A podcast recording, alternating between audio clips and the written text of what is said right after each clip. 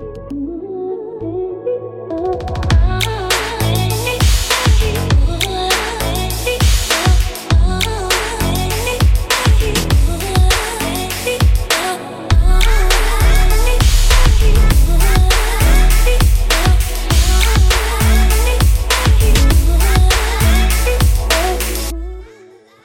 forrige uke kunne vi høre venninna mi Benedicte fortelle om da deres magiske båtferie plutselig ble til den største katastrofen hun har gått gjennom.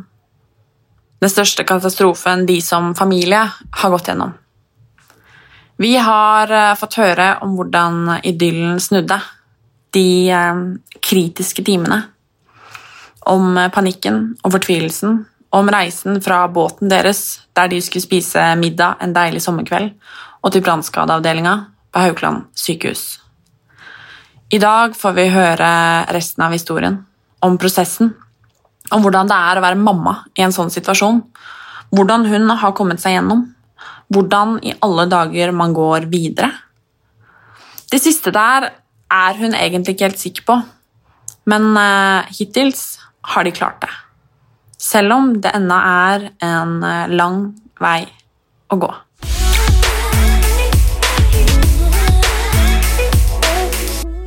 Ny runde med total krise. Du tenker liksom enda en narkose Narkose er ikke bra. Hun var jo gjennom til sammen sju narkoser, tror jeg.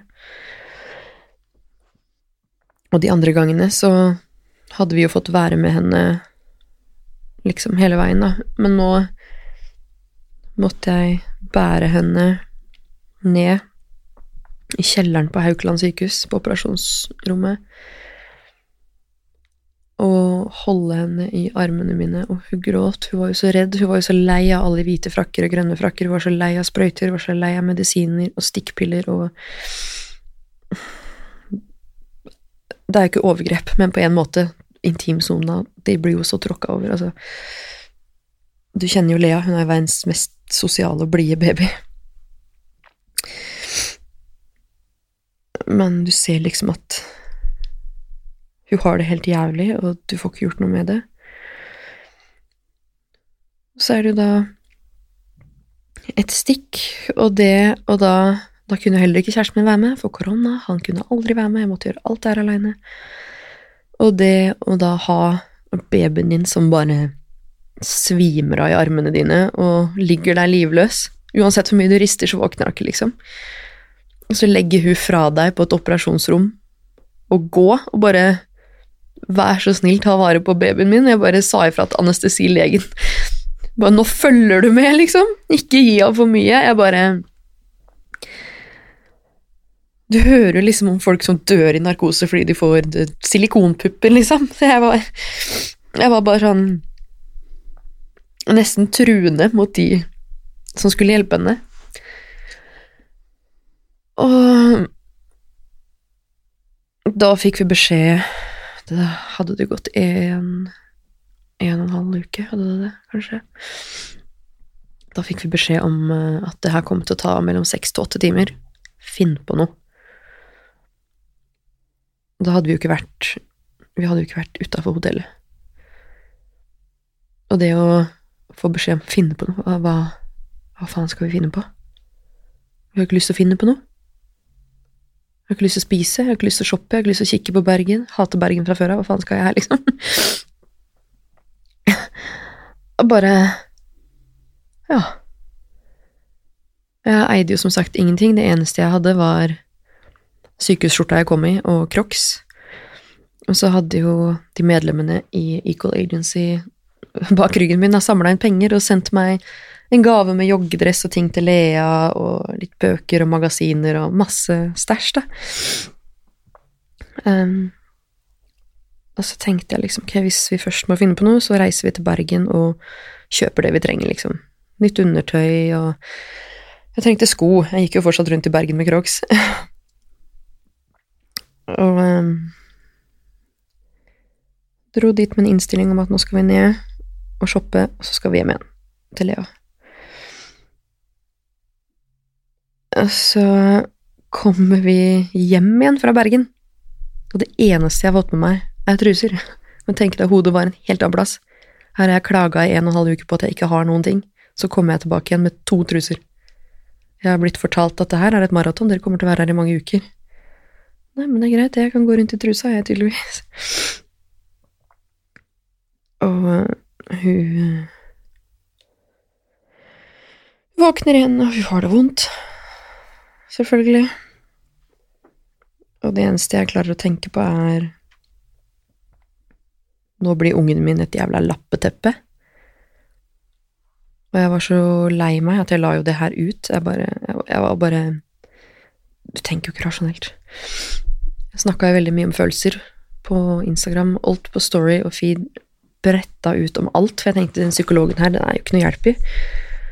Og takk til Donna, partneren min, som tvang meg ut i det ved å glemme seg bort. Fordi det har jo vært sinnssykt mye hjelp i å få kontakt med andre som har vært i samme situasjon, og se at det går bra, før- og etterbilder, folk som virkelig har delt, da. Folk har vært villige til å dele nakenbilder av barna sine bare for å vise hvor fint det kan gå. Det trenger ikke å bli så synlig, det trenger ikke liksom Det er ikke noe lappeteppe.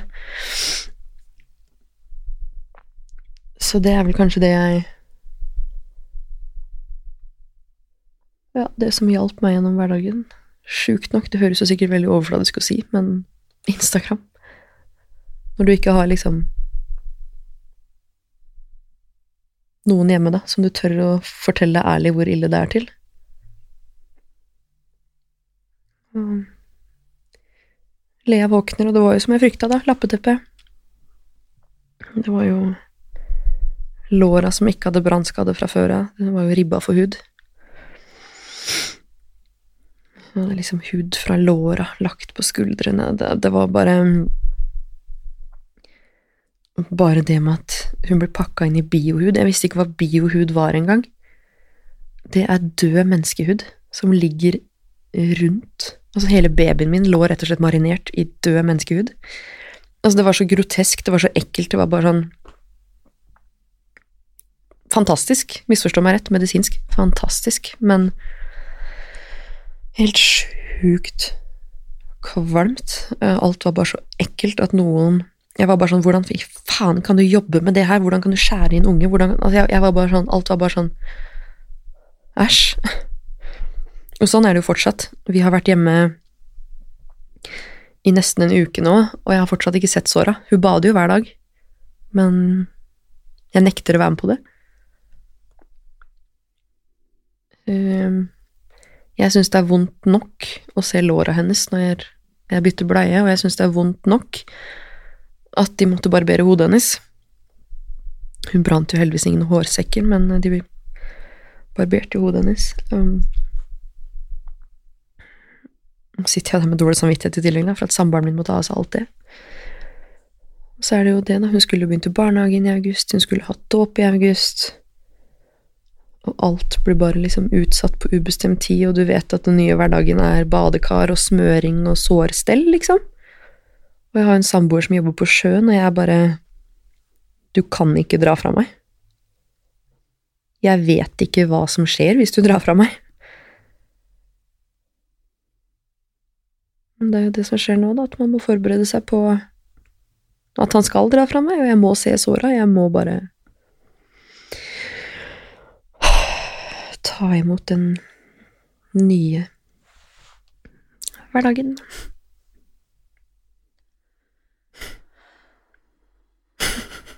Du er blank i øya. Det er heavy. Du kjenner jo Lea så godt òg. Liksom. liksom Lea min. Jeg fikk den meldinga, så hadde du akkurat hatt bursdag. Så jeg tenkte at det var bursdagsinvitasjon. Oh. For det var, du sendte liksom Det var det nærmeste en gruppechat. Mm. Og så drev jeg og flytta og holdt på, så så jeg at Benedicte sendte melding, og så, og jeg sjekker etterpå. Og så satt jeg meg ned, ja, det var kanskje bare en halvtime etterpå. Og så åpna den meldinga, og jeg bare tuter, liksom. For jeg bare Jeg hadde forventa en 'hei, velkommen i bursdag', Ja. og så var det liksom verdens fineste Lea, liksom. Og jeg Nei, jeg vet ikke. Hva er det man sier? At det som ikke dreper deg, det gjør deg sterkere? Hvor sterk skal du bli? ja, dette veit jo du alt om de to siste åra. Deilig. Fy faen. Altså, jeg skjønner ikke Jeg skjønner ikke at et menneske skal kunne takle så mye. Jeg, jeg er bare sånn Hadde jeg vært litt svakere, så tror jeg det hadde vært nåla i veggen for lenge siden, liksom. Jeg snakka med en veldig klok, eh, gammel lærer av meg, Mm. som også er gjest i podkasten Mm. denne måneden. Og hun snakka om det at en, en eller annen Ja, jeg vet ikke altså, forsk, altså et eller annet hadde forska på dette her, eller Nei, det var sikkert ikke det. Det var en eller annen dame, i hvert fall, Mm. hadde funnet ut det at når du har gått gjennom noe tøft, så er man Er på en måte den muskelen allerede liksom myka opp til neste gang man opplever noe tøft. Trent, på en måte. Ja, nettopp. Den er liksom trent til å takle det, så man takler det bedre når man ikke har opplevd noe. Ja, fy faen. Vi har sittet sånn før det her skjedde, da. Altså, før det her skjedde, så var jeg liksom Jeg var så drittlei. Altså, overgrep, rettssaker, masse Altså, det har vært sjukt mye de siste åra, i tillegg til å gå gravid og føde en jævlig fødsel òg, for så vidt. Altså sånn Jeg har liksom tenkt sånn Det er fælt å si, men når mormor da egentlig på julaften fikk liksom dødsdommen, så var jeg sånn Jeg var helt rolig. Jeg var ikke jeg var, jeg, Altså, så blir jeg sånn Er det sånn det skal bli, liksom? At folk skal dø, og jeg skal ikke bli lei meg? Er det så kalde jeg har blitt av å ha opplevd så mye dritt, liksom? Og det er jo derfor jeg også har bestemt meg nå for å gå til han, den psykologen som hjalp meg forrige gang. For fra å liksom tenke 'herregud, terapi, lol', liksom, til å få hjelp gjennom den forrige krisen jeg var i. Og til å igjen tenke 'terapi er lol' på sykehuset, men innse at nå må jeg komme i kontakt med følelsene mine og bare treffe den veggen, fordi det toget her kan ikke fortsette å kjøre. Så jeg har i hvert fall landa på det, da. Du ble jo, for de som ikke vet det, så det gir litt mening Mm.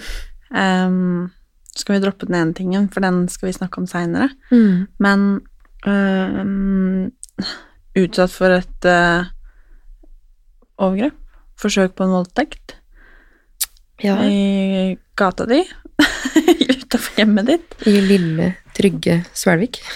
for Er det akkurat to år siden? er det to år siden blitt? Mm. Ja, jeg husker det veldig godt. Og så var det en hel del annet. En hel del annet. Så Som om ikke den hendelsen liksom var nok i seg selv. Så det er sykt å si, men det er nesten så jeg tenker at jeg var dum nok til å anmelde det. Fordi det har jo vært en prosess som har pågått nesten fram til nå. Ja. Det har vært så mye advokatmøter og rettssaker. Altså, at en sånn sak med et vitne på telefonen og ett øyevitne I min favør så burde jo det her bare vært ferdig etter det første rettsmøtet. Men at han anka til lagmannsretten, og så til høyesterett Jeg blir jo bare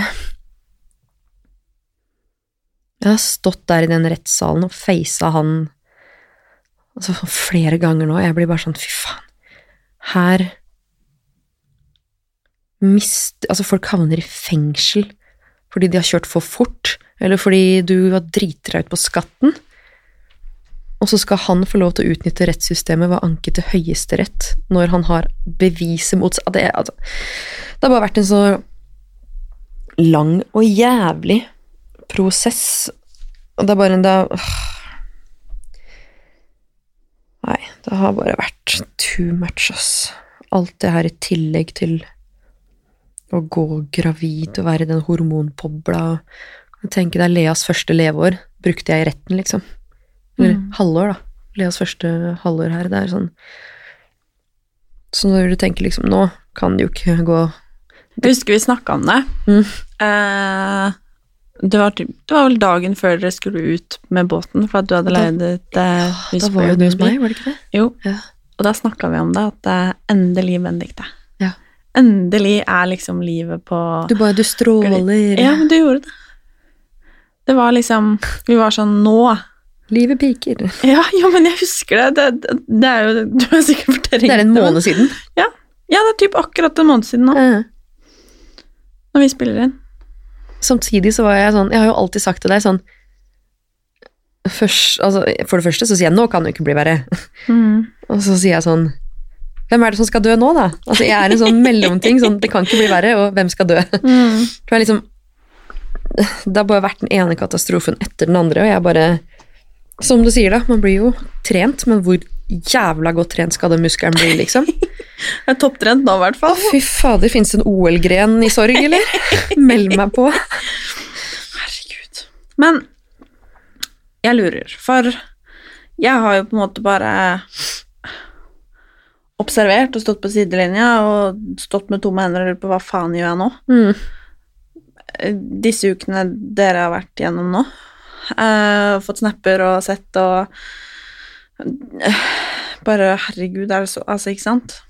Hjemmefra, liksom. Mm. Eller jævlig langt fra. Det var jo det jeg sa at Sverige. Ja, og jeg sa jo det at Aldri følt meg så langt unna, liksom. Mm. Det er bare sånn, Jeg får ikke gjort en dritt. Mm -mm.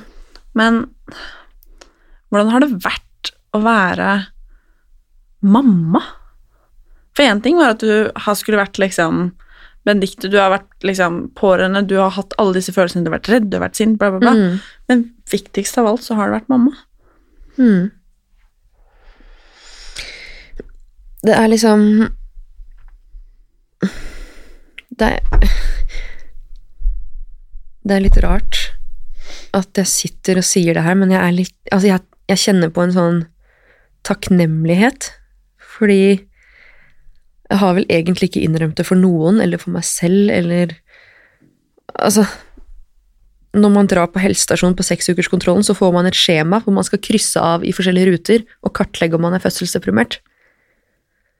Og det er ikke sikkert jeg har vært fødselsdeprimert, jeg tror bare det har vært summa summarum av alt jeg har opplevd de to siste årene, at jeg At jeg bare mm, Ikke at jeg ikke har connecta med Lea, for det har jeg jo selvfølgelig, men nå er det på en helt annen måte. Det er akkurat som om det er noe som har sluppet tak, en annen sorg som har sluppet tak.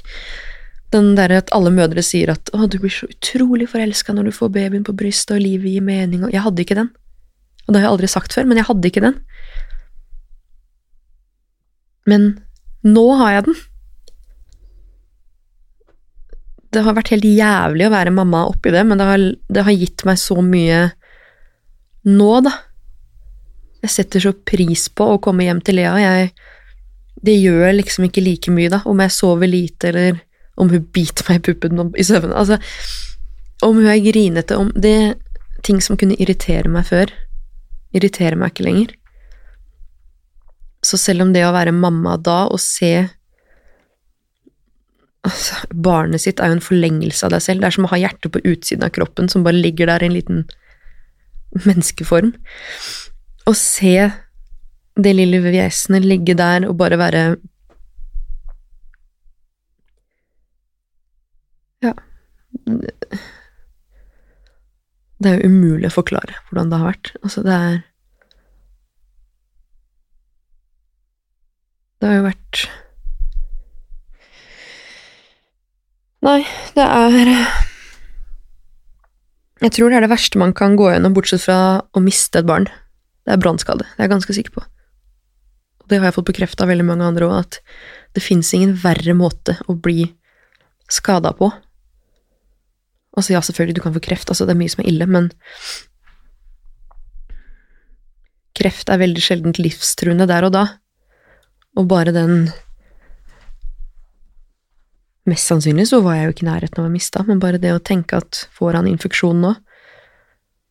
Altså, de orda som ble sagt inn på det rommet, det var jo liksom Det var blodforgiftning, infeksjon, det kan lure farer bak hver eneste sving. Altså, å få høre det i samme setning som noen står og snakker om helsa til barnet ditt. Men som sagt så kjenner jeg på så mye takknemlighet nå i ettertid at jeg tror det Det, i tillegg til det at hjernen har jo en funksjon som rett og slett er å sperre inne alle traumer, altså sånn lockdown, dette skal ikke du føle på nå. Som kombinasjon av de to så har det egentlig vært fint i ettertid. Mm. Kanskje et litt sånn dumt spørsmål, men har du lært noe? Jeg har lært så sykt mye. Og alt jeg lærer underveis, alt jeg lærte på sykehuset, alt jeg lærte ambulansen, alt jeg har lært, det har jeg jo lyst til å dele videre. Fordi for det første, den eh, Den her burde jeg vært rusta i lenge, godt, men det skjer ikke meg. Men det skjer jo meg, det skjer jo meg hele tiden. Men det at andre tenker 'det skjer ikke meg' Altså den Statistikken for å få en brannskade er ganske liten. Det er snakk om 200-300 barn i året, og det fødes vel 60 000 eller noe. Men det skjer deg, og det skjer hvem som helst. Og selv om du tar alle forholdsregler, så kan det skje for det. Og bare det at det er ikke noe skam. Det er ikke din skyld, det er ingen sin skyld, det skal ikke være noe skam. Det tenkte jeg jo ikke på før jeg åpna meg om det her en gang, hvor mange som sitter med skam, og som ikke har tørt å si til folk hva som har skjedd, tørt å legge ut et bilde, tørt, de har gjemt barna sine i lang tid fordi det er så mye skam rundt det. Og jeg har jo kjent på det selv at når jeg er på butikken og folk stirrer sånn Hva skjedde med ungen din? Jeg følte jo både på sykehuset, når vi endelig fikk lov til å trille ut, at selv på et sykehus da, hvor folk kommer med ja, barbert hår og amputerte bein og liksom alt mulig rart, men det at et barn er brannskada Du får et helt annet blikk. Du føler Det er ikke sikkert, men du føler på en skam som ikke burde være der. Som jeg til og med kan innrømme at jeg har tenkt selv. Sånn Oi, har du ikke fulgt med, liksom? Mm. Men jo, jeg fulgte med. Jeg Jeg var der. Men jeg satt med ryggen til i det ene sekundet. Og det er bare hvor lett, eller hvor fort det kan skje. Og det som er viktigst for meg å få ut, da, det er det her med 113-2020. Det er så livsviktig at når noe sånt skjer, så er det 20 minutter i 20 grader vann. Drit i alt annet. 113 kan det ringe underveis, men 20 minutter i 20 grader vann, det er liksom Den vil jeg bare Faen, skulle hatt en egen hashtag. Altså, jeg er bare helt sånn fy faen, det her må folk vite. Jeg visste ikke det Nei. før du fortalte meg det. Nei. Det bare så mange som har vært takknemlige for at sånn plutselig skjer det meg. Jeg fikk en melding fra ei på Instagram mens vi lå på Haukeland, faktisk, som sa det at det som aldri skulle skje, det skjedde meg i går. Uh, ungen min fikk en varm tekopp over seg, og da sa det at takk for at du delte det du delte. For det er liksom, det hadde ikke folk visst. Jeg har jo hørt historier om folk som får panikk og kaster uh, potetmel på barna sine, fordi de vet ikke hva de skal gjøre. Og folk som bare lar ungen sitte der og grine mens de ringer 113. Du får jo panikk. Men jeg tror at så lenge du Bare tenk 2020. Drittåret, koronaåret 2020. Altså det Vi har jo fått beskjed om at det kan ha redda helt sjukt mye på Lea. Det er jo stor forskjell på andre- og tredjegradsforbrenning. Mm. Så mye man har lært. Og også det at helsevesenet i Norge Ja, det er kanskje dreigt, og det suger når det er snakk om utredning og sånne ting, men er det akutt, så går det på skinner. Da Altså, det har vært så sykt å si, men det har vært så smooth sailing. Det har bare Altså, neste stopp har alltid stått klart når du har kommet fram. Det er liksom bare smukk, smukk. Det har aldri vært noe tvil om at noen ikke skal være der for deg, eller liksom Og det er jo også en av grunnene til at jeg har, jeg har samla inn 20 000 for Stiftelsen Norsk Luftambulanse, for jeg er bare så sykt imponert. I begynnelsen så var jeg sånn Ok, vi lagde en spleis, og så tenkte vi sånn Ja, litt av det kan gå til Lea hvis hun trenger noe arrkorreksjon i senere tid, men nå er jeg bare sånn Nei, det skal vi betale. Alle de pengene her skal gå til altså, Norsk Luftambulanse. Og Haukeland Nå vet jeg jo det, hvor hvor rå de er, og når Hvis noen ringer deg da, og sier 'jeg har blitt fløyet til Haukeland' av brannskade, så skal du ikke tenke Du skal ikke krisemaksimere og tenke liksom 'Å, herregud, nå er det alvorlig' altså, Du tenker det med en gang du blir henta i luftambulanse, ikke sant? Men det er jo fordi de er de beste i Norge. Så det å bli flydd til Haukeland, det er dritbra, det. Så har jeg jo lært at hudtransplantasjon er ikke noe nederlag. Jeg tenkte jo hele tiden det at det beste er hvis vi unngår hudtransplantasjon. Men hudtransplantasjon gjør man jo for to grunner. For å unngå infeksjonsfare i åpne sår, og for at det skal se penest ut estetisk. Så bare det Få fram det at du er trygg hvis det skjer noe i Norge, og Haukeland er best, og hudtransplantasjon er ikke farlig, og 2020 for alle penga, liksom. Bare Så har jeg lært mye om meg sjøl, da. Altså, fytti rakkeren, hvor mye jeg tåler. Jeg veit det. Det er liksom Det er sikkert mange som lurer på hvordan det går med Lea, hvordan på en måte skadene har eh, blitt nå, når dere har kommet hjem igjen. Som sagt så har jo ikke jeg turt å se på det. Men det som skjer altså For det første så blir du aldri kasta ut av Haukeland. Du kan være der så lenge du vil, så lenge du føler at det er det tryggeste, så lenge du er usikker på noe, bare bli der.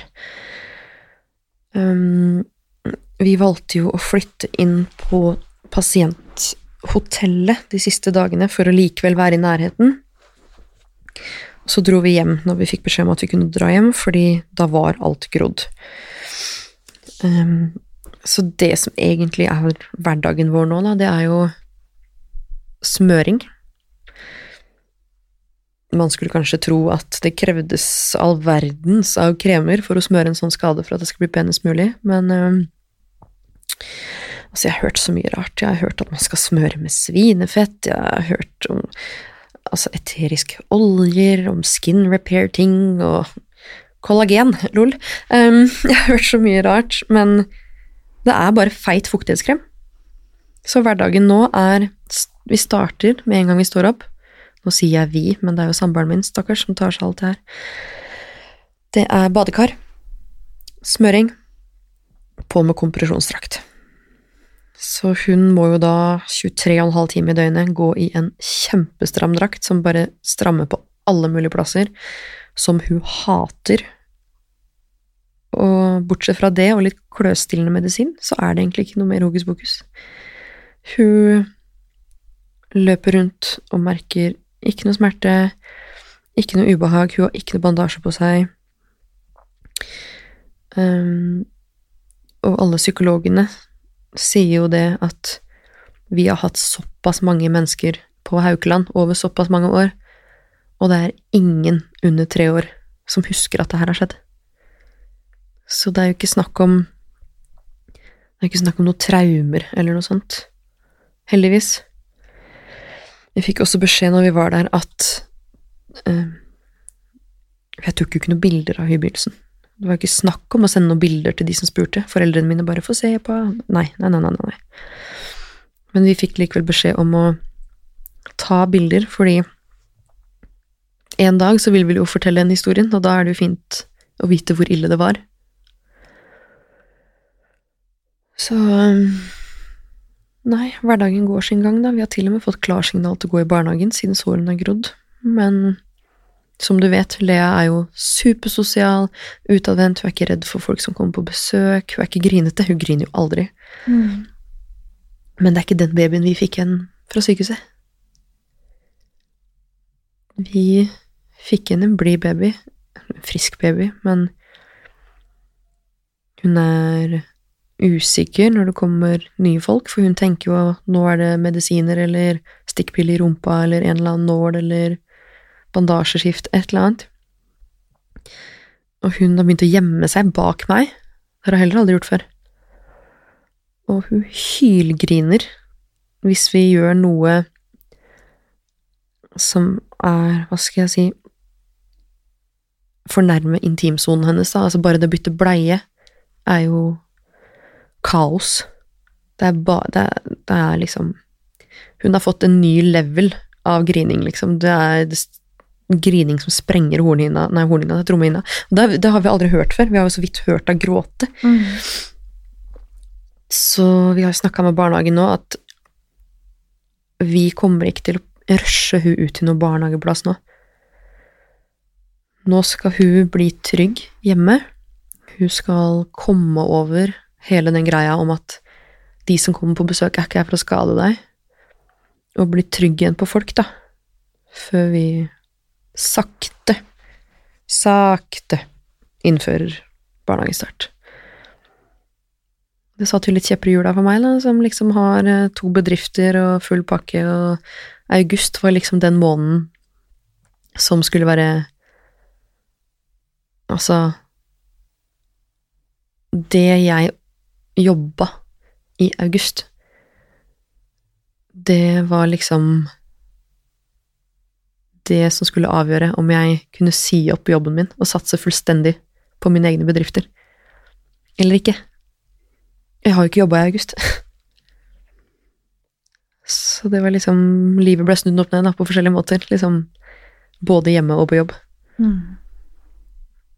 Så Nei, men det er hverdagen. Jeg har sagt til samboeren min at han kan egentlig bare drite i å reise på jobb med det verste. Så får vi bare ta tiden til hjelp og se hva som skjer, og Holdt jeg på å si går parterapi, jeg vet ikke om det er det det heter engang, når man går litt i en sånn krise, men eh, ja. Som sagt, toget kan ikke bare tute og kjøre mer. Du har jo delt eh, mye. Mm. Ikke alt, men mye. Eh, hvordan har tilbakemeldingene liksom vært? 99,9% positive. Jeg har fått så sinnssykt mye kjærlighet. Jeg har fått så mye mye hjelp av folk jeg ikke kjenner. Altså, folk har møtt opp på døra utafor Haukeland. Bedrifter har møtt opp på rommet mitt med takeaway.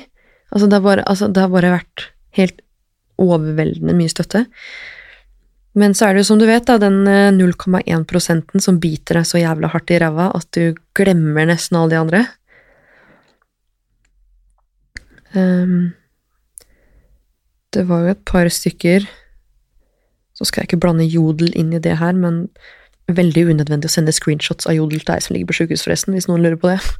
Jeg trenger ikke å vite hva som blir sagt der, liksom. Jeg har en grunn til at jeg sletta appen. Så det blir Jodel så er det liksom ah, 'Nå skal hun melke det her for følger og bla, bla, bla'. Sikkert gjort med vilje. Jeg blir bare sånn Ja. Jeg holdt dattera mi under kokende vann for å få følgere på Instagram. Og selv om det er, helt, det er så irrasjonelt og fucka, men likevel så blir du sånn Jeg har ikke gjort Altså, du blir Alt er bare forsvarsmodus, liksom. Og så var det liksom en melding etter at jeg hadde liksom lagt ut en story da, om Jeg gråt vel på den storyen nå, tror jeg. Jeg var egentlig bare altså, Du føler deg nesten rusa. Du føler deg altså, dritings. Jeg veit ikke, du er ikke til stede i hudet ditt i det hele tatt. Du vet ikke hva du deler. Du bare øser ut med følelser, liksom. Og det var jo den ene dagen, da. Og dagen etter så hadde jeg en bedre dag. Gode nyheter. Da var jeg litt sånn Åh, jeg føler meg så jævlig. Det klør i hodebunnen av sjampoen min. Huden min sprekker. Jeg tør sykehusluft. Altså, jeg bare klaga. Og mens da de fleste velger å si du kan klage på hva du vil, bare det at du kan klage på småting nå, betyr jo at du har en god dag, og at det går bedre. Og så er det jo noen da som selvfølgelig Er det kødd? Dette ble for overfladisk for meg. Altså, jeg bare Åh, det er noen som bare Men det som stakk mest, det var nok den eh, anonyme kommentaren på Snapchat som jeg gjerne skulle likt å vite hvem er. Personen følger sikkert med, så hører sikkert på poden nå, men eh, du som mente at du var ansatt som kirurg på Haukeland, og som skjelte meg ut fordi ungen min var så brun når jeg ankom sykehuset, at jeg måtte være barnemishandler som eh, la ungen min i solarium. Amen. Nummer én, jeg vet jo at du ikke jobber på Haukeland, for ingen som jobber i helsevesenet prater sånn til folk, i hvert fall ikke folk i krise. Nummer to, ungen min er like tan som foreldra sine, vært brun siden hun kom ut, de trodde hun hadde gulsot, hun har mørke øyne, altså. Hun er jo den vakreste babyen jeg noen gang har sett. Ja, ikke sant? Men eh, nei da, jeg er barnemishandler. Bare, altså, selv om jeg skjønner at det her bare er piss, og at den personen her jobber jo ikke, mest sannsynlig i hvert fall, på Haukeland, når jeg da kom på det sykehuset dagen etter, jeg gråt meg selv i søvn, kom jeg på sykehuset dagen etter, og så analyserte jeg alle som gikk i gangen og som kom inn på rommet mitt. Er det du som har skrevet det her? Er det du? Er det du? Er det du? Jeg klarte ikke å være hyggelig mot noen den dagen, for jeg bare tenkte at en av dere tenker det her er meg, en av dere har sagt det her, men mest sannsynlig ikke. Men bare hvor mye da en sånn kommentar kan såre, liksom, når du allerede er langt nede. Jeg skjønner ikke hva folk Jeg har ikke ordet. Det er én ting jeg i hvert fall vet, Benne, og det er at eh, når du dro til eh, gynekologen For det visste jeg du skulle den dagen. Og vi hadde kødda med at ja, da finner vi ut om du er gravid eller ikke, da. Og jeg hørte ingenting. Så noen timer senere så ringer jeg og sier 'hallo'! og de bare 'jeg er gravid'. og jeg bare Hva skjer nå? Tante Martine! ja, jeg ble helt bare Å, herregud! Ah! og jeg vet at Lea må ha vært det beste som kunne skjedd deg. Det vet du at hun er.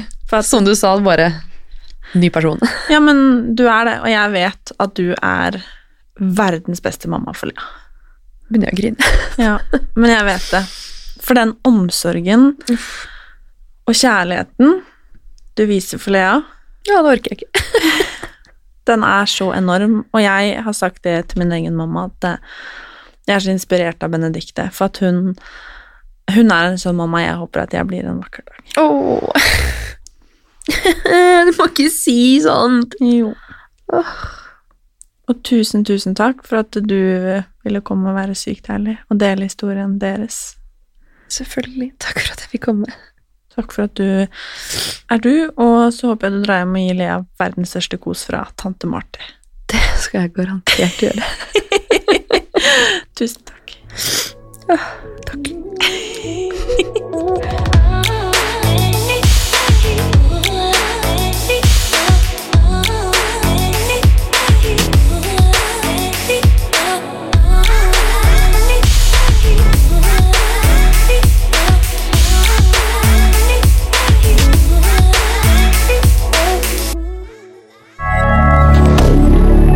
Moderne media.